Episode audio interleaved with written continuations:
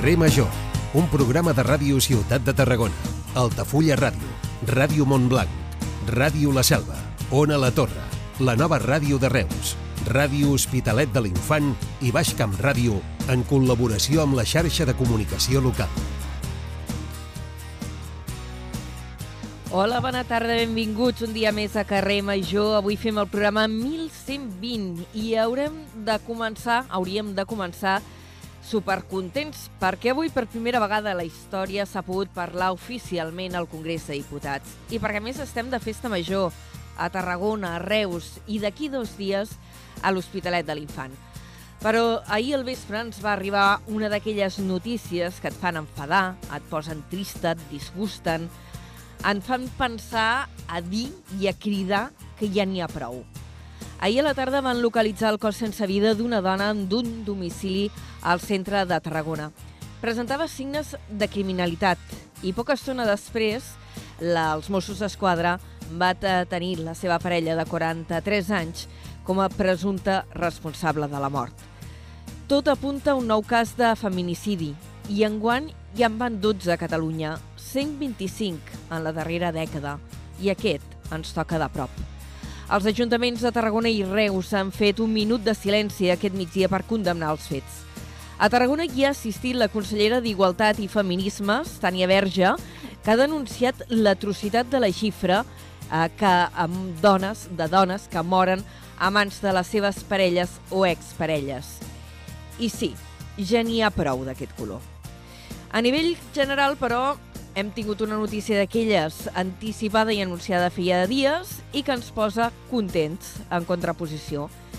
És la notícia de la jornada que ens porta a dir que per primera vegada a la història els diputats han pogut intervenir des de la tribuna en les llengües cooficials de l'Estat i ho han fet amb un sistema de traducció simultània. El primer en poder parlar en català sense haver de ser interromput i expulsat ha estat el diputat d'Esquerra Republicana, en Gabriel Rufián. Les seves paraules han estat «Parlaré en català perquè puc, gràcies a l'escola catalana». En canvi, a la Unió Europea s'ha ajornat la votació sobre l'oficialitat del català, el basc i el gallec. Els 27 demanen anàlisis jurídiques i de cost i seguiran les converses per abordar les propostes en les pròximes reunions. Som carrer Major, som les emissores del Camp de Tarragona. Us acompanyem des de Ràdio Ciutat de Tarragona, la nova ràdio de Reus, Altafulla Ràdio, Ona la Torre, Ràdio La Selva del Camp, Ràdio L'Hospitalet de l'Infant i des de Ràdio Montblanc. En nom de totes aquestes emissores us parlo en aquesta primera hora jo mateixa, l'Anna Plaça, i m'acompanya el Iago Moreno, que està al control tècnic. Benvinguts.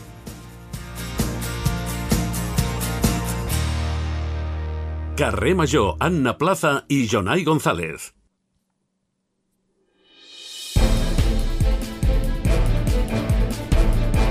I ara, quan són les 4 i 7 minuts, és el moment de repassar en forma de titulars les notícies més destacades del dia al Camp de Tarragona. Jonai González, bona tarda. Molt bona tarda. Comencem explicant que l'Ajuntament de Tarragona, també el de Reus, ha fet un minut de silenci aquest migdia.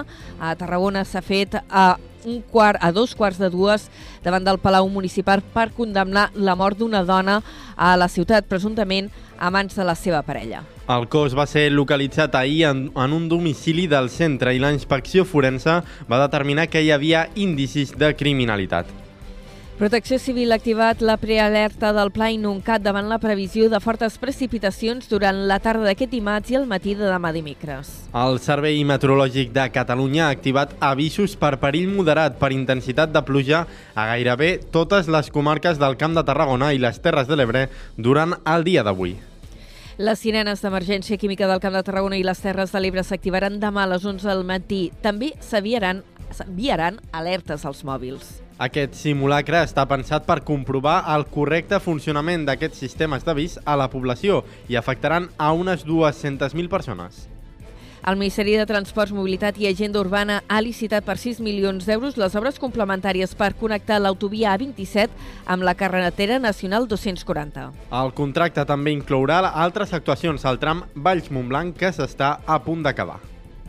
El Ministeri per la Transició Ecològica ha donat llum verda a la declaració d'impacte ambiental del parc eòlic Lupus promogut per l'empresa Forestalia, que es farà a Osca. També ha donat el vistiplau a la línia de molt alta tensió que transportarà l'electricitat des d'aquesta macrocentral eòlica fins a Catalunya i que travessarà part del Camp de Tarragona. I en àmbit industrial, l'empresa P3 Logística Parcs construirà a Reus una nau de més de 111.000 metres quadrats. Es tracta del projecte logístic més gran que hi ha en marxa a tot Catalunya. Les obres començaran l'any que ve. Unes escales de fusta, la solució per als accessos del passeig a la platja d'Altafulla. La Direcció General de Costes de l'Estat no veu indicis de perillositat en les estructures malmeses i no reforçarà el passeig amb formigó. I en cultura destacarem que la Sala Trono de Tarragona programa 13 propostes per aquesta temporada amb espectacles, diuen, més grans i amb més aforament. Les representacions començaran el 30 de setembre i entre els espectacles programats hi ha Iceberg, Guillermota, Tormento Tango o Els Ocells. Moltes gràcies, Jonai. Ens tornem a escoltar d'aquí, res, mitja horeta. Fins ara.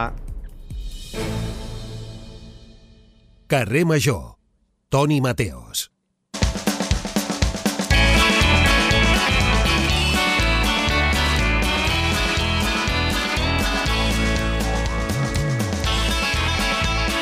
Toni Mateos. Aloha. Aloha. Jo ho dic molt, això d'Aloha. No sé per què, eh? Se'm va enganxar fa temps i... Quan D'una visita a així... Hawaii, potser? No, que va. Que va, ja m'agradaria, eh? Posar allí el cap sota l'aigua amb els peixets i fer surf, I no? Perquè no palmera, sé. i, i, I, i, i un- platgeta, Sí, i, sí, sí. i, i fer excursionetes, i sí, m'agradaria. Però no, a- no. Amb el dia d'avui, el millor, el millor podria ser. Eh? Sí, una mica gris. Toni, què? Què farem a la segona hora? Du, la liarem molt bona perquè, mira, eh, parlarem de les festes de Santa Tecla amb la consellera de Cultura i Festes de l'Ajuntament de Tarragona, la senyora Sandra Ramos. Tindrem el nostre publicista, el Xavi Franco, que ens parlarà sobre la, difi la diferència entre publicista i publicitari i també d'una campanya de la Generalitat de fa uns anys que Ah. es diu La Ruta de l'Atzar, que li va agradar molt i que jo l'he vist i m'ha agradat molt també. També. Jo no Sí. la recordo. Eh, Ja en parlarem d'ella, ja veuràs. Ja, és d'un- el- d'un- d'unes noies que troben un, un llibre d'un... Bueno, una espècie de diari d'un d'un músic i van resseguint les, les petjades del músic. A, a la secció d'ODS, el, el nostre company eh, parlarà sobre el far cooperatiu. Per parlar de la Biblioteca de les Coses, tindrem la banda sonora del camp i el Miquel marxarà fins a la Fundació La Muntanyeta Tarragona per parlar sobre la Fundació i sobre el seu nou logotip. Doncs moltes gràcies, Toni. Uh, tu prens el relleu a partir de les 5, o sigui que serà tot teu a partir de llavors. Perfecte, Anna. Ho deixo en bones mans. Fins ara. Sí. Fins ara.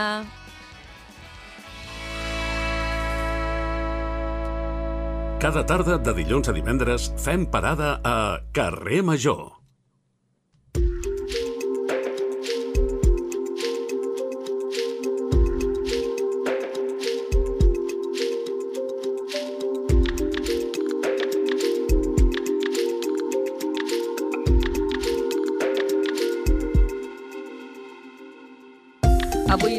L'entrevista d'actualitat al programa Carrer Major la volem dedicar a parlar de l'estudi del nostre litoral, concretament a l'estudi de la costa d'Altafulla, que és una de les que més s'ha vist afectada en els darrers temps pels efectes eh, dels temporals.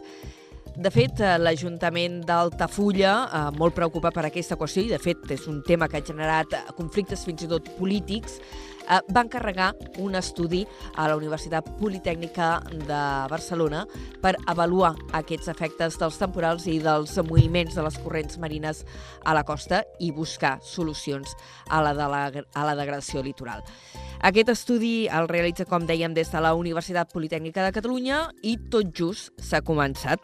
I en volem parlar amb l'Ivan Cáceres, que és eh, investigador del Laboratori d'Enginyeria Marítima de la UPC. Ivan, bona tarda. Bona tarda. Un estudi que eh, anomeneu estudi de batimetria. Cali eh, clarifiquem una mica aquest concepte, si et sembla, per començar. Sí, a veure, les batimetries no és res més que veure quina profunditat hi ha a cada punt davant de la costa. Com aixecar un, un mapa de les muntanyes, però en aquest cas el fons submarí. Llavors el que nosaltres fem és veure a quina latitud i longitud i quina profunditat hi ha a cada punt, per tal de poder tenir un mapa del fons de la sorra. El primer mapa o la primera intervenció la vau fer just eh, la setmana passada. Sí, exacte. És a dir, fins ara el que hem estat fent aquest, no és que acabem de començar, el que hem començat ara és la primera batimetria, però ja portem mig any analitzant imatges de satèl·lit per veure com està evolucionant la costa. Per mitjà de les imatges de satèl·lit podem tenir informació de què ha passat en els últims sis anys amb la costa d'Altafulla i també tenim informació de, que ens subministra Puertos de l'Estado de quin és l'onatge que hi ha hagut, l'alçada d'ona i la direcció per mitjà de models numèrics i ara el que estem fent, després d'haver analitzat aquest mig any d'evolució, de, aquest, durant l'últim mig any, els últims eh, sis anys d'evolució de la costa, doncs ara el que estem fent és veure com varia el fons per mitjà de la presa de batimetries. Llavors la idea és, després de cada tempesta, que, que nosaltres sabem que pot afectar el litoral i que es pot emportar la sorra de la platja, veure a on va parar aquesta sorra. Teniu alguna intuïció de partida? A veure, el problema amb el transport de sorra sí que tenim intuïcions sobre què podríem fer i a on ho podríem posar. El que passa és que una cosa és tenir una intuïció i l'altra és tenir la certesa del que volem fer i tenir dades. Mm, nosaltres podem més o menys preveure, amb la informació que ja tenim, eh, quin tipus de solucions es podrien implementar per tal de reduir una mica l'onatge que arriba a la costa i reduir una mica el transport de sediments però eh, no sabem a on va parar aquest sediment i per tant el que volem és tenir dades per tal de millorar l'estructura o la solució que s'implementi al final. Uh, pel que he llegit, el, el, aquest procediment de la batimetria ho feu amb una mena de sonda. És com una mena de radar, hem d'entendre? No, no, en realitat és eh, una sonda com la que porten tots els cotxes, tots els cotxes avui en dia, que porten una sonda acústica que emet una, un eco de so i quan rebota amb el cotxe de davant ens va pitant a mesura que ens anem acostant i ens marca la distància que tenim respecte al cotxe de davant. Doncs això és el mateix que és una ecosonda que porten la majoria de vaixells per saber a quina distància estan del fons. L'única diferència és que la nostra és una miqueta més precisa que la de la majoria de vaixells, perquè ens marca amb, amb més precisió i ens guarda tota la informació que nosaltres volem. A part que la majoria de vaixells no ens arribarien per, tan poques, per llocs amb tan poca profunditat. Perquè al fons marí, clar, nosaltres només veiem la costa, i la costa sí que veiem com es eh, com es modifica, però el fons marí també és tan alterable?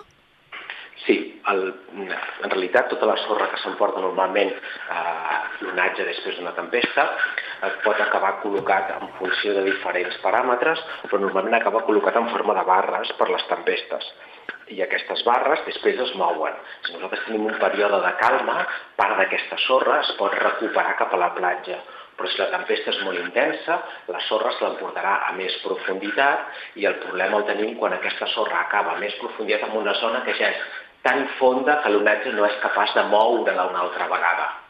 Llavors, hi ha dos patrons generals de, de transport d'aquest sediment o de la sorra, que un és a tot Catalunya hi ha un transport general que és del nord-est al sud-oest.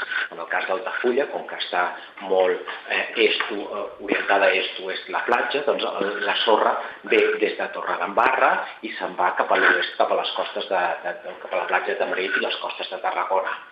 I després hi ha un altre patró que és el que és perpendicular a la platja que hi hagi una deriva longitudinal de la sorra és natural a la nostra costa i hi hauria d'haver sorra que ens vingués de l'est i que se n'anés cap a l'oest i això hauria de passar de forma normal.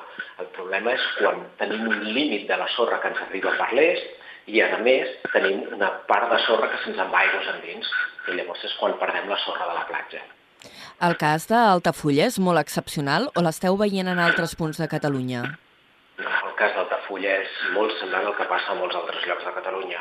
El problema que tenim, a tot Catalunya en general, és que hem posat moltes preses als rius, bueno, encara que n'haguéssim posat una sola ja n'és suficient si està relativament a prop de la desembocadura, el Foix té preses, el riu Gaià té preses, llavors això limita la quantitat de sediment que ens baixa pels rius. A part de les preses que hem posat, hem construït ports aquí a, a, a aigües amunt, que és el nord-est d'Altafulla, tenim el port de Radembarra, tenim el port de Sitges, el de Vilanova i la Geltrú, tots els ports que hi ha d'aquesta cel·la litoral de la sorra que ens hauria d'arribar del Foix. Llavors, tota aquesta sorra que no baixa per, per als rius perquè hi ha preses i, a més, la que hauria de venir per la deriva, per la, el transport de sediments que ens hauria de venir del nord-est de Catalunya cap al sud-oest, ens queda parat per als ports. Llavors el que en genera és que la sorra se'ns acumuli a la part nord-est dels ports i la part sud-est ens queda eh, falta de sediment. Eh, ara s'ha esmentat el riu Gaià. Consideres que si el riu Gaià pogués recuperar eh, el seu cabal ecològic, i ja fa temps que es parla de la possibilitat doncs, d'alliberar més aigua de, del pantà que hi ha al Catllà, eh, es podria revertir, en certa manera, o podria millorar una miqueta la situació de la platja d'Altafulla, o no seria suficient això? No seria suficient perquè perquè hi hagi un transport efectiu de sorra no hi ha d'haver un transport ecològic, hi ha d'haver grans avingudes. Llavors, no, el transport ecològic és suficient com per mantenir els ecosistemes, com perquè hi hagi una quantitat d'aigua mínima per mantenir els, les zones humides i els, els invertebrats o la fauna que viu en aquella zona, però perquè hi hagi un transport de sediments hi ha d'haver gran quantitat d'aigua que baixa. Llavors no és suficient amb obrir una miqueta eh, la presa del Catllà, s'hauria d'obrir de forma, de forma mm, eh, regular, eh, amb grans avingudes, eh, i això és molt difícil avui en dia. Una per la gestió de les preses i dos per, eh, per l'escassetat d'aigua que tenim. Llavors, si tinguéssim grans avingudes d'aigua i aquests rius es poguessin fer córrer, llavors sí que ajudarien a pal·liar, però no solucionarien el problema. Ajudarien a que el problema fos una miqueta menys greu. Has esmentat també el, el port de Torredembarra, ho dic perquè en alguna ocasió hem parlat d'aquest tema, eh, dels problemes que té la platja d'Altafulla i de l'afectació que pot eh, generar el port de Torredembarra amb el seu eh, director, amb el seu capità, amb l'Oriol... Eh, ara em sortirà el cognom, l'Oriol Milà, perdó, eh, que ell és oceanògraf i ell diu que en el cas del port de Torredembarra no estan veient concentracions de la seva bocana que els faci pensar que estiguin retenint arena? Mm, el, el cas del port del Torredembarra, jo he anomenat aquest port com he anomenat tots els que hi ha aigües amunt. Eh, jo no tinc clar eh, si el port de Torredembarra està afectant o no a la retenció de sediment i fins a quin punt. El que és un fet és que qualsevol estructura que posem en la seva deriva longitudinal del sediment, és a dir, tot el que ens hauria de venir per l'est a la platja d'Altafulla hauria de venir passant per Torre, per la, per, de, hauria de venir de Torre d'Embarra. Si nosaltres posem barreres, la, el sediment s'acumularà a la part nord-est. I el que és un fet és que el port de Torre d'Embarra ha anat creix, creixent la quantitat de sorra que hi ha al nord-est de Torre d'Embarra. Això és un fet, es pot veure clarament. Si la sorra és capaç de passar pel port de Torredembarra i seguir la seva deriva longitudinal, jo no ho sé, no tinc dades. I no, Això... i, no ho puc uh, avaluar, no puc dir ni que és una barrera total al sediment, ni que és una barrera parcial, ni fins a quin grau està parant el sediment, perquè no tinc estudis d'això. Això ho veureu amb aquestes batimetries que no. fareu després dels temporals, perquè t'anava a dir, en quina àrea, o sigui, en quina extensió uh, feu aquest estudi del fons marí? Mm, això no ho veurem eh, perquè l'estudi nosaltres l'estem centrant en la platja d'Altafulla. És a dir, el que nosaltres vam parlar amb l'Ajuntament i el que l'Ajuntament li interessava era veure com es podia eh, reduir l'energia de l'onatge que ens arribava a, les, a la platja d'Altafulla per eh, reduir la quantitat de sorra que s'emporten els, els temporals. No eliminar, reduir. És a dir, els temporals es seguiran emportant sorra. El que passa que si en lloc d'emportar-se 10.000 metres cúbics n'emporten 2.000, això vol dir que les regeneracions ens duraran 5 vegades més. Llavors, la idea és intentar reduir les eh, quantitats de sorra que s'emporten els temporals per mitjà d'una estructura submergida, per mitjà d'una estructura emergida, per mitjà d'algun tipus de eh, apilament que provoqui el trencament de l'aire, de l'onatge quan arriba a costa i que no, aquest no trenqui directament a la línia de costa, o senzillament informar en la delegació de costes de quina és la quantitat de sorra i quina hauria de ser la forma del perfil de la sorra submergit per tal que aquest sigui més eficient a l'hora de reduir el transport. Llavors, aquesta és la idea i per tant nosaltres ens, ens centrem a estudiar la zona d'Altafulla i el que passa Port de Torre de Barra. No és fàcil de quantificar si hi ha un, una, trans, una, el, si hi ha una barrera total o parcial al transport de i és una que queda fora del nostre estudi. Uh, un estudi que, ja ho comentaves, eh, amb treballs preliminars vau començar a principis d'anys, ara heu fet la primera batimetria, en teniu previst fer fins a 12, segons el conveni que teniu amb l'Ajuntament la, d'Altafulla, que les fareu després de cada temporal.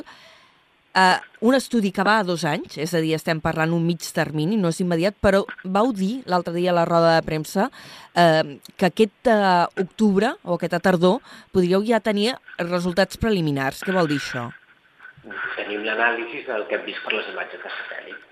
Doncs nosaltres hem estat treballant durant aquest mig any avaluant eh, totes les imatges de satèl·lit que hem sigut capaços de recollir. Eh, tenim aquesta informació, hem estat analitzant quin tipus de tempestes hi ha i ara estem eh, verificant quina és la fiabilitat del, de l'anàlisi de les dades de satèl·lit i comparant aquestes dades amb l'erosió que provoca cada tempesta.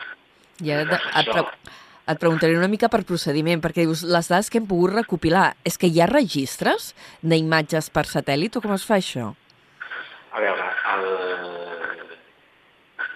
l'Institut Cartogràfic de Catalunya té registres d'imatges per vol.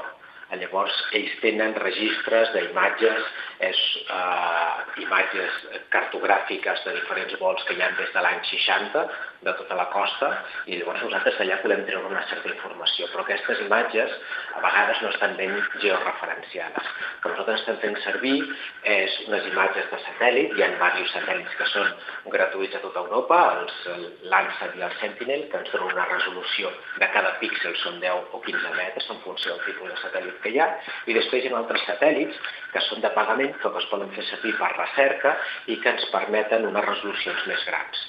Llavors, aquests satèl·lits normalment tenen un historial de tots els vols que han anat fet en els últims 6 o 10 anys i nosaltres podem accedir a algunes d'aquestes bases de dades. Llavors podem agafar imatges del satèl·lit cada vegada que ha passat per sota d'Altafulla, anem recopilant aquesta informació, ens quedem amb els dies que són bons, que no tenen núvols, i llavors a partir d'aquí traiem quina és la línia de vora. Això ens permet, aquestes imatges, aquest registre, ens permet veure realment l'evolució de la costa al llarg del temps? Eh, aquestes imatges el que ens permeten veure és com s'ha erosionat, és a dir, quan ha perdut sorra la costa, però sobretot ens permeten relacionar aquesta informació amb les dades d'onatge que tenim de Puertos del Estado. Llavors el que hem fet ha sigut primer mirar quan hi ha hagut grans tempestes i quina ha sigut la duració d'aquestes tempestes i la direcció de l'onatge i una vegada hem seleccionat nosaltres les que més ens interessen perquè considerem que són les que erosionaran més la costa, hem anat a veure quina és la quantitat de, de, de costa i com ha retrocedit eh, per cada tempesta i així podem correlacionar els onatges amb l'erosió de la costa i dissenyar una estructura o dissenyar una solució que sigui òptima per a aquelles tempestes que són més freqüents a la zona d'Altafulla i les que provoquen més erosió. I acostuma a haver una relació directa entre el moviment que veieu a línia de costa i el moviment que veieu al fons marí? Mm, no és tan clara, per això volem les batimetries sí que hi ha una relació, el que passa és que en el cas de la zona d'Altafulla, com, que, com que està encaixonada la platja d'Altafulla, eh, el, la sorra no tenim clar cap on se'ns deposita o on se'ns col·locarà després de les diferents eh, dels angles de cada onatge que ens vingui amb una tempesta havíeu parlat o s'havia parlat en la possibilitat, que això se suposa que és el que haureu de determinar amb aquest estudi, de la possibilitat de fer algun tipus d'escull natural eh, o de dic, per dir-ho d'alguna manera, eh, que freni, que permeti trencar aquest embat de les onades. Aquest és un dels suggeriments que hi ha. Vull dir, l'estudi el que ens dirà és eh, si això pot ser efectiu o no pot ser efectiu. Hi ha moltes configuracions diferents de, eh, de dics submergits o emergits eh, i l'estudi el que ens dirà és sobre quins tipus de dic es podrien programar o es podrien dissenyar i amb quines configuracions més o menys hauria de tenir. Després ja serà un problema de Costes i de l'Ajuntament d'Altafulla que decideixin què és el que creuen que és la millor opció per al poble. Òbviament, nosaltres podem dir si nosaltres fem un tipus d'actuació aquí o posem un tipus de barrera aquí o senzillament regenerem la platja amb una certa pendent, això reduirà el transport de sediments i per tant les regeneracions de sorra que s'hauran de seguir fent eh, ajudaran, es mantindran més en el temps, però ja després hi ha una elecció, en una part és política i en una altra part és de costes, que és qui té el, la gestió del domini terrestre, del domini marítim, perdó, són ells els que han d'acabar decidint què es fa i com es fa. De fet, Costes de l'Estat també va dir que faria un estudi, aquest una mica més extens en el, en el territori, perquè ja diem que no és només la platja d'Altafulla la, la que parteix danys eh, quan, o perdes de sorra quan hi ha eh, un temporal. Eh, no sé si vosaltres ja heu tingut ja també relació i teniu coneixement d'aquest estudi o esteu, esteu en contacte? Sí, estem en contacte. Eh, en realitat, el, el treball aquest s'està fent perquè eh, nosaltres hi havíem col·laborat amb en Jordi Galofré, que era l'antic cap de la delegació de Costes de Tarragona, ara també eh, col·laborem amb Toni Espanya i amb la resta de la, de, dels eh, enginyers i dels caps de costes, no solament de Tarragona, sinó també de Barcelona. El que passa és que eh, entenem que són complementaris. L'estudi que ells faran eh, no, no altera per res el que nosaltres estem buscant i en realitat quan nosaltres tinguem la informació el primer que farem és anar bueno, en realitat ja els hem anat a explicar el que estem fent, com ho estem fent i a veure com ho podem complementar l'un amb l'altre perquè ells no faran un estudi vertimètric tan intensiu de prendre 12 batimetries de la costa d'Altafulla.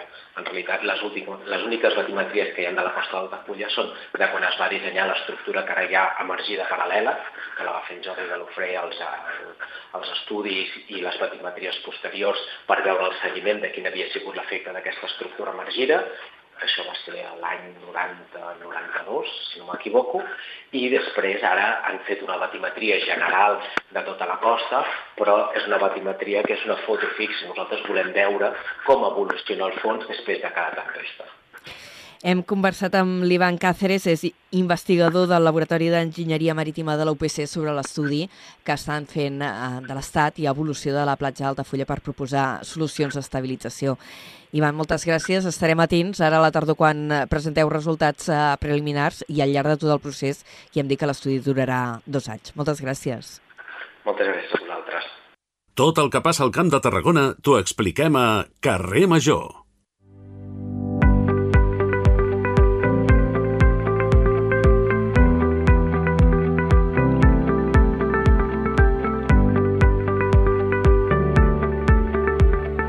Avui en l'espai d'anàlisi hem convidat en Marc Olilla, ell és fotoperiodista, treballa a AIE Produccions, també al FET a Tarragona, i a més és una d'aquelles persones amb una visió molt crítica amb tot el que està relacionat amb mobilitat. D'ell hem llegit fils a Twitter molt detallats analitzant la implantació de carrils bici a Tarragona, i amb ell avui precisament volem parlar d'aquesta qüestió, perquè la setmana passada tant el Diari de Tarragona com el Més Tarragona eh, avançaven que l'Ajuntament l'Ajuntament frenava la implantació d'un carril bici a l'Avinguda Andorra, que s'ha de reformar, tot a l'espera de tenir un pla de mobilitat. Eh, Marc, tu com a persona que segueixes totes aquestes qüestions, com, com, primer bona tarda i després Hola, quina, bona tarda. quina sensació vas tenir en llegir aquesta notícia?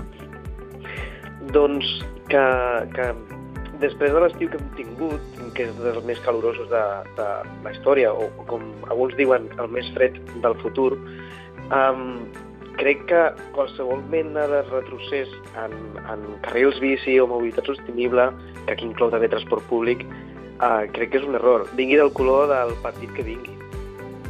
Uh, ells diuen que ho fan a l'espera d'un pla de mobilitat. Tu que has fet un anàlisi detallat quan se van anar a implantar, per exemple, el carril bici que va fins a, al campus de Salades o a la implantació de Pere Martell, creus que s'ha fet bé fins ara o s'hauria d'haver fet una manera més estudiada? Uh, realment, que esperin el, a un nou pla de mobilitat mm, també és una mica estrany, perquè mm, no sé si cal realment esperar això. Vull dir, el, el Pla de Mobilitat Sostenible eh, del 2012, que està caducat però que tampoc s'ha executat al, al 100%, sí que preveia el carrer bici educatiu cap, a, cap al campus de Salades i sí que també és veritat, perquè ho vaig anar a revisar l'altre dia quan vaig llegir aquestes, aquestes, uh, um, aquestes manifestacions, eh, que ho vaig anar a revisar i efectivament no sortia cap carril bici a Martell, per exemple o, o, a, o a Prat de la Riba.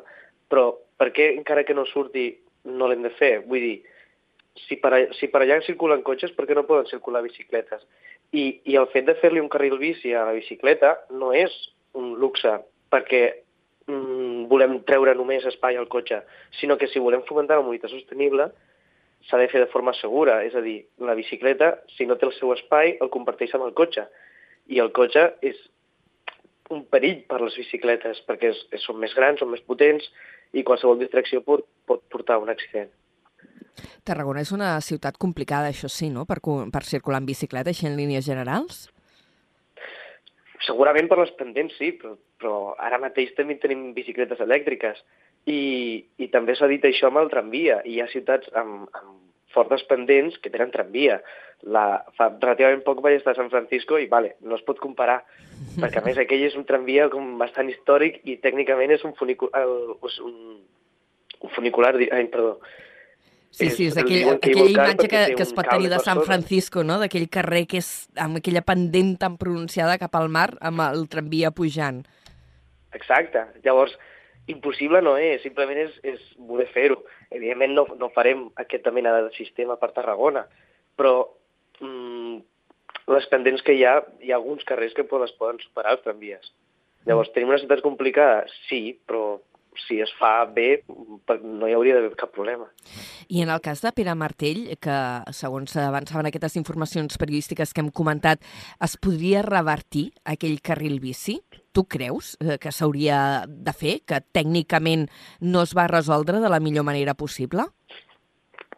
Sí que és veritat que aquell, carril, aquell carrer, amb, amb la inclusió del carril bici, ha quedat com estret per la, pel trànsit rodat, però en aquest sentit potser soc una mica massa dictatorial. Jo hagués posat el carril bici i, i hagués eliminat aparcament. Evidentment això no dona vots, però eh, eh, s'ha de fer d'alguna forma també. No podem voler-ho tot. En algun moment has de dir alguna cosa que no. I si en un carrer principal vols incloure el carril bici i s'han de sacrificar altres coses, en algun moment s'ha de fer. Mm, estem en emergència climàtica, llavors no, no tenim temps a perdre. Mhm. Suposo que el que sí que et fa il·lusió, eh, tu també pertanys a l'Associació de Veïns de Camp Clar, ho dic bé? Sí. I estàs implicat. Eh, el carril bici que s'ha d'acabar de connectar eh, de la zona de Ponent quan es faci l'ampliació la, del pont. Això també és una cosa molt esperada perquè sí que hi ha un carril bici, però està com a pedaços en aquella part de la ciutat. Sí, correcte. El, el, el, la zona del pont del Francolí és un coll d'ampolla perquè, tot i haver-hi quatre carrils per cotxes, eh, cotxes i autobusos i demés, eh, les voreres són regulitxi, no, no hi, ha, hi ha un espai o hi ha un punt que és bastant estreta i, i el carril bici no té continuïtat. Llavors, hi ha moments on la, la vorera es fa bastant estreta i han de conviure eh, potser dues persones que estan caminant, un que està corrent, una bicicleta que ve, un patinet, i és bastant eh, conflictiu. Si tinguessin tothom el seu espai, no hi hauria aquests problemes. Hem conversat amb el Marco Lilla, ell és fotoperiodista, és un apassionat també d'aquests temes de mobilitat eh, que, dels quals hem volgut parlar amb ell precisament. Marc, t'agraïm moltíssim que, que ens hagis atès perquè sabem que estàs empiocat i no sé si podràs fer tot el que tenies previst aquesta Santa Tecla de cobrir fotogràficament actes. Ah, de moment, avui hi ha la Santa Tecla petita i, i dubto si podré anar. No sé si, si hauré millorat lo suficient per, per fer-ho uh, però espero que de cara als propers dies estigui, estigui millor o bé. Doncs et, de et desitgem una ràpida recuperació i molt bona feina, Marc. Moltíssimes gràcies per atendre'ns. Moltes gràcies a tu. Carrer Major, el primer programa del Camp de Tarragona.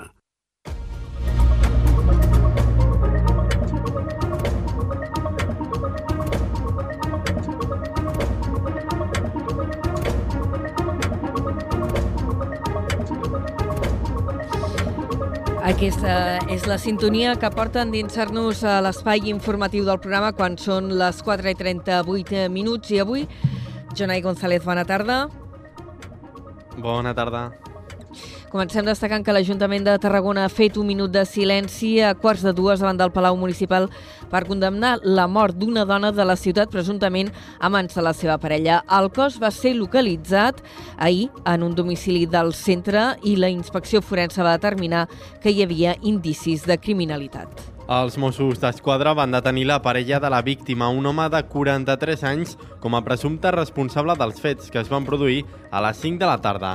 Aquella hora, el telèfon d'emergència 112 va rebre una trucada que alertava de la mort de la dona. Els serveis sanitaris s'hi van adreçar i van confirmar el decés. Posteriorment, l'anàlisi forense va detectar signes de criminalitat. La consellera d'Igualtat i Feminismes, Tània Verge, ha participat en el Minut de Silenci a Tarragona i ha denunciat el degoteig constant de feminicidis expressant tot el nostre dolor, enviant tot el condol i l'escalf a la família de la víctima, un lloc on no s'hi hauria de trobar cap família, un lloc on no s'hi hauria de trobar cap municipi d'aquest país.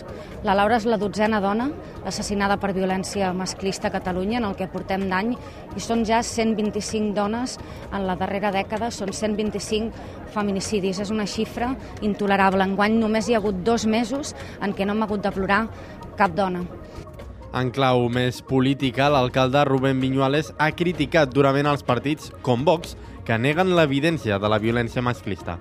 Amb això acabaria. M'hauran de permetre que avui sigui molt dur amb aquells grups que neguen una obvietat.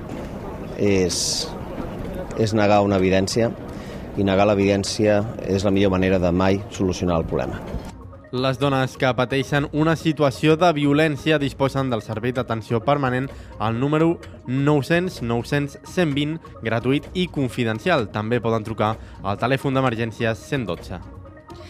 Més qüestions. Protecció Civil ha activat la prealerta del Pla Inuncat davant la previsió de fortes precipitacions durant la tarda d'avui dimarts i el matí de demà dimecres. El Servei Meteorològic de Catalunya ha activat avisos per perill moderat per intensitat de pluja gairebé totes les comarques del Camp de Tarragona i les Terres de l'Ebre durant el dia d'avui. De cara a demà, aquests avisos es mantindran activats a tota la façana litoral i prelitoral tarragonina i s'estendran per la resta de la costa catalana fins demà al migdia. Segons les previsions del Meteocat, la precipitació serà d'intensitat entre feble i moderada, si bé localment podrà ser forta a l'extrem sud del litoral, amb una intensitat que pot arribar a superar els 20 litres per metre quadrat en mitja hora. No es descarta que vagi acompanyada de tempesta. Localment és possible que s'acumulin quantitats abundants de precipitació. Les sirenes d'emergència química del Camp de Tarragona i les Terres de l'Ebre s'activaran demà dimecres a les 11 del matí. També s'enviaran alertes al mòbil. Aquest exercici, aquest simulacre, està pensat per comprovar el correcte funcionament de tots aquests sistemes d'avís a la població i afectaran a unes 200.000 persones. De fet, feia 4 anys des d'abans de la pandèmia que no es feien proves de sirenes. L'exercici de demà dimecres també servirà per testejar les 12 noves sirenes que s'han instal·lat recentment. En total, a la demarcació n'hi ha 52. La prova de sirenes de risc químic arribarà per primera vegada a Reus, on s'activaran les que s'han instal·lat al Tecnoparc i al Mercat del Camp. La directora de Protecció Civil, Marta Cassany, ha explicat que aquests exercicis serveixen perquè la gent es familiaritzi amb el seu so i també per comprovar el correcte funcionament de tots els dispositius. Aquest és un altre de, de, de novetats que tenim en aquesta prova de sirenes és el fet que també sonaran les 12 sirenes noves que, que s'han instal·lat de nou des de l'any 2019. En l'exercici de demà dimecres no serà obligat confinar-se, si bé una quincena d'escoles ho faran de manera voluntària. Com en els últims simulacres, després de la prova, Protecció Civil activarà una enquesta en línia perquè la ciutadania respongui un qüestionari breu i es pugui mesurar el percentatge de població que ha rebut l'alerta. I hem de parlar avui també d'infraestructures, concretament de la 27, perquè el Ministeri de Transports, Mobilitat i Agenda Urbana ha licitat per un import de 6 milions d'euros les obres d'actuació complementàries per connectar aquesta autovia amb la carretera nacional 240. El contracte també inclou actuacions en el tram Valls-Montblanc, que està a punt de finalitzar-se. Gemma Bufies, des de Ràdio Montblanc. Al març del 2019 van començar les obres de construcció corresponents al tram Valls-Montblanc de l'A27 i s'espera que estiguin acabades a finals d'octubre. Quedava pendent, però, la connexió de l'autovia amb la N240 i fins a l'entrada de l'AP2. El Ministeri ha tret a licitació ara aquestes obres per 6 milions d'euros. També es construirà un pas superior de reposició del camí del Camp Magre, en resposta a la petició dels veïns de l'illa. Oriol Pallissó és alcalde de Montblanc. Bé, contents com no podem d'estar d'una altra manera doncs, que s'escoltin les peticions tant des de l'Ajuntament com que des de l'Associació de Veïns de, del poble de l'illa perquè a més a més d'aquesta inversió de 6 milions d'euros per fer la connexió tan necessària i que gràcies a les últimes reunions doncs sembla que la cosa hagi avançat eh, i hagi anat per feina. També la construcció d'aquest pont de Can Magre que ajudarà molt doncs, els veïns de l'illa a reparar. De fet, tota l'obra, doncs, la, la reconstrucció del que tenien abans de les obres doncs, és impossible, però sí que mitigar els danys que, que han provocat a l'illa, tant sigui en el tema de les esquerdes que continuem doncs, batallant perquè això sigui realitat ben aviat, doncs aquest pont de Can Magre doncs, també ajudarà una mica a mitigar els efectes d'aquesta autovia i d'aquest túnel de, de l'illa. L'autovia A27 serà una via alternativa de gran capacitat i seguretat a la carretera N240 entre Tarragona i Montblanc, on enllaçaria amb l'AP2. Actualment ja està en servei entre Tarragona i Valls, el tram més prioritari per suportar més trànsit. Gràcies, Gemma. D'altra banda, el Ministeri per la Transició Ecològica ha donat llum verda a la declaració d'impacte ambiental del parc eòlic Lupus, eh, promogut eh, per l'empresa Forestalia, que es farà a Osca. I ara us expliquem per què destaquem aquesta notícia? I és que també s'ha donat el vistiplau a la línia de molt alta tensió que transportarà l'electricitat des d'aquest macrocentral eòlica fins a Catalunya i que travessarà part del Camp de Tarragona. Aquesta línia de molt alta tensió que ja ha despertat oposició al territori tindrà una longitud de 272 quilòmetres. Anirà des de Granyent, a Osca, fins a Piarola, a la demarcació de Tarragona. Comptarà amb tres trams soterrats. Dos d'aquests estaran a la Conca de Barberà, als termes de les Piles i Santa Coloma de Caralt. La resolució del Ministeri s'ha publicat aquest dilluns al BOE i especifica que s'ha triat el traçat més directe possible. Al desembre de l'any passat, l'Estat va emetre un primer informe desfavorable favorable, ja es considerava, ja que es considerava que la declaració d'impacte ambiental presentada per l'empresa no reunia condicions suficients. A l'agost, els promotors van presentar documentació addicional i ara sí que han rebut el vistiplau. Les torres d'aquesta línia de molt alta tensió tindran una alçada d'entre 19 i 69 metres. En els trams soterrats s'obrirà una raça de 6,80 metres d'amplada, a la qual se li sumaran 3,4 metres de servitud permanent. L'estudi d'impacte ambiental també inclou el mapa de risc d'incendis per prevenir-los estel·larant arbres. El tram amb una major superfície afectada serà el dels municipis de Serral, Pontils i Bellprat, a la Conca.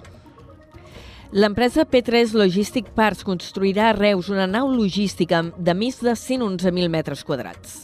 Es tracta del projecte logístic més gran que hi ha en marxa a tot Catalunya. Des de la nova ràdio de Reus ens ho explica en David Fernández. La nau adquirida per P3 Logistic Park es troba al sector H12 de Reus, a la zona de Massunyer, i equivaldrà a 15 camps de futbol.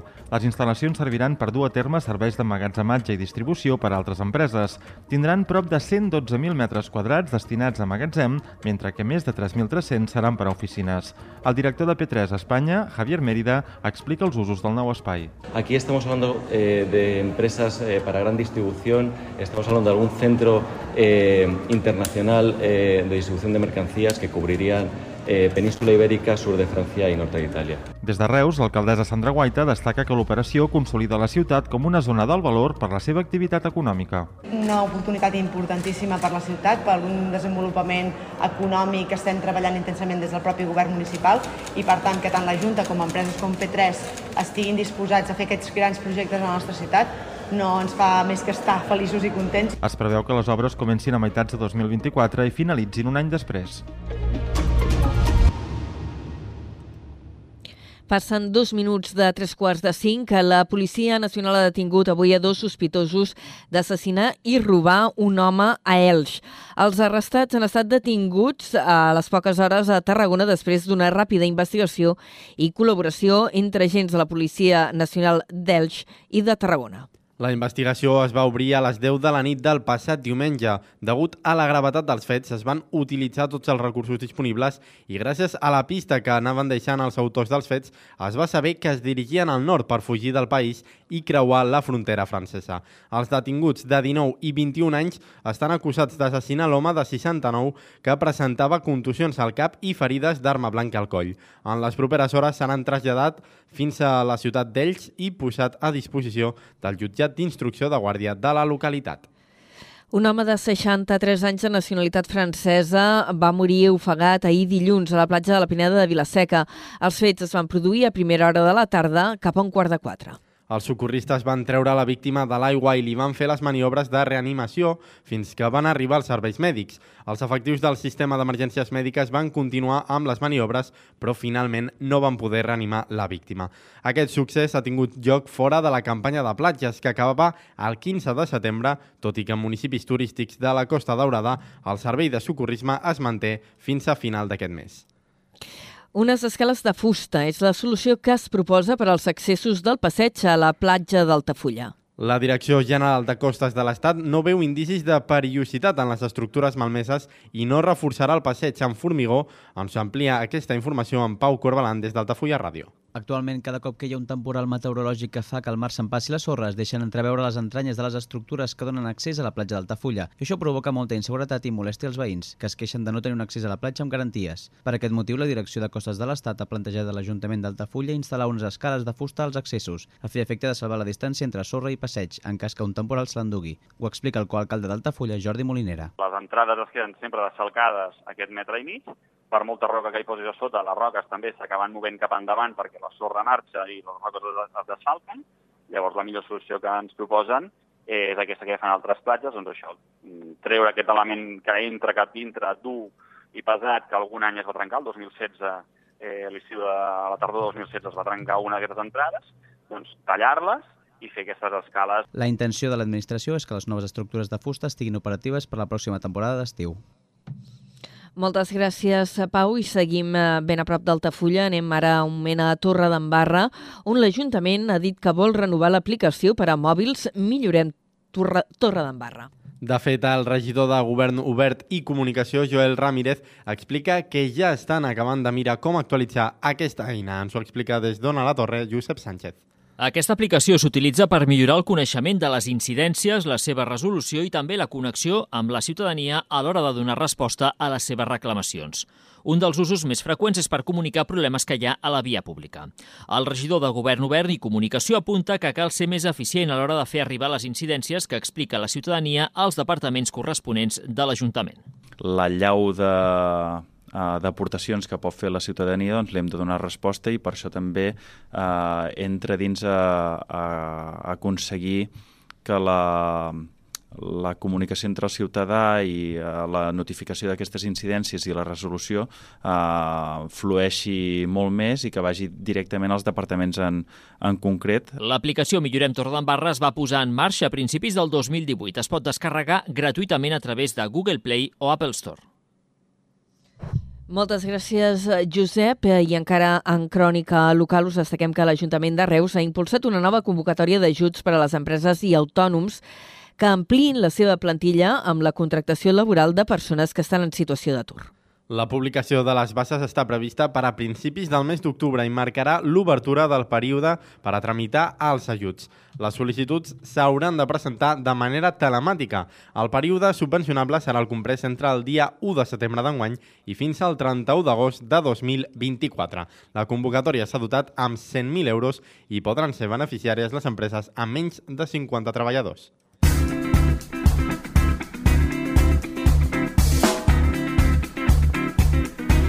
Encarem la recta final d'aquest informatiu i de la primera hora de carrer Major. Ho fem parlant de cultura i de la nova programació de la Sala Trono de Tarragona que s'ha presentat avui.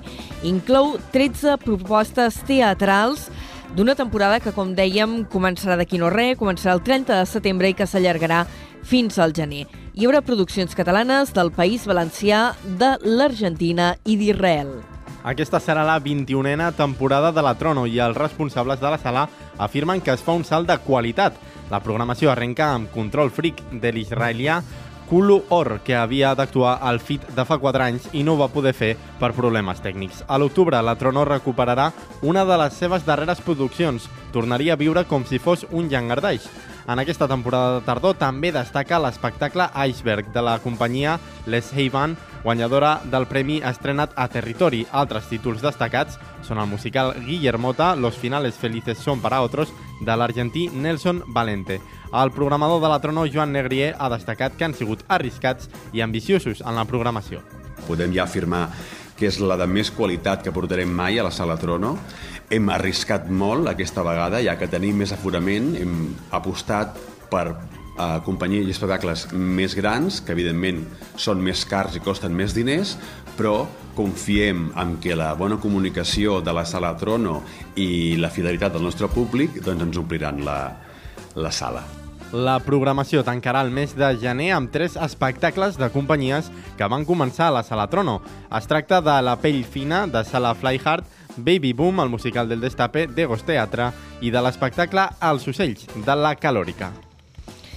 I més eh, qüestions. La vuitena edició del Psicurt es farà a Tarragona i Reus del 5 a 8 d'octubre.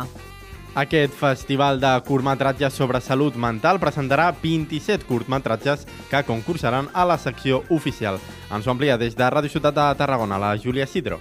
Des del dijous 5 fins al diumenge 8 d'octubre se celebrarà la vuitena edició del Festival Psicurt, organitzat pel Col·legi Oficial de Psicologia de Catalunya, l'Ajuntament de Tarragona i de Reus. Aquest festival de curtmetratges sobre la salut mental es consolida un any més i enguany presentarà 27 curts que concursaran a la secció oficial. A més de competir en les categories d'animació i ficció, aquests films també optaran al Premi del Públic, dotat amb 500 euros. Els curts aborden temàtiques com el dol, les addiccions, l'assetjament escolar, l'abús infantil o la discriminació discriminació. Més enllà de la projecció dels curtmetratges i el concurs, s'han programat activitats paral·leles, com l'obra de teatre No m'oblideu mai, dirigida per Llàtzer Garcia, Sinjar d'Anna Maria Bufarull i xerrades amb professionals de la cultura audiovisual i de la salut mental. Moltes gràcies des de Ràdio Ciutat de Tarragona, la Júlia Sidró i la Festa Major de Vandellós se celebrarà aquesta setmana, del 21 al 24 de setembre, amb una quarantena d'actes. Entre els actes programats destaca l'exposició dels 100 anys del Club de Futbol del Poble, el sopar de germanor, la clotxada i el seguici popular, el gran correfoc de nit i la trobada de gegants i capgrossos. Des de Ràdio L'Hospitalet, Iris Rodríguez. En honor de Sant Cosme i Sant Damià, del 21 al 24 de setembre se celebrarà la Festa Major de Vandellós. Per aquests quatre dies, el Centre Cultural Esportiu i Recreatiu de Vandellós ha organitzat, amb la col·laboració de l'Ajuntament i d'altres entitats locals, una quarantena d'activitats per a tots els públics. La festa començarà dijous 21 de setembre amb el repic de campanes de l'Església i seguidament el pregó, i finalitzarà el diumenge 24 de setembre després del Castell de Focs. Enguany, la persona encarregada de fer el pregó serà el mossèn Ramon Font, que va ser rector de la parròquia de Sant Andreu de Vandellós. Entre els diferents actes de la festivitat destaquen els tradicionals, com ara la clotxada popular, el gran correfoc de nit, la trobada de gegants i capgrossos, l'homenatge a la vella pagesia i el seguici popular pels carrers del poble. Un altre dels actes que també destaquen és la inauguració de l'exposició F de futbol a Vandellós, 100 anys de futbol, 100 anys de passió que ha organitzat el Club de Futbol Sala Vandellós amb motiu de la celebració del seu centenari. I per consultar el programa d'actes complet es pot fer a través de la pàgina web municipal vandellós-hospitalet.cat. Doncs moltes gràcies. Eh, Festa major de l'Hospitalet que arribarà aquest cap de setmana. A Tarragona s'està vivint de ple Santa Tecla. Avui el protagonisme pels més eh, petits amb la sortida de la cercavila de la Santa Tecla Petita aquesta tarda a partir de dos quarts de set. Primera hora de carrer major conclosa. Ara pren el relleu Antoni Mateos a les 5. Fins ara.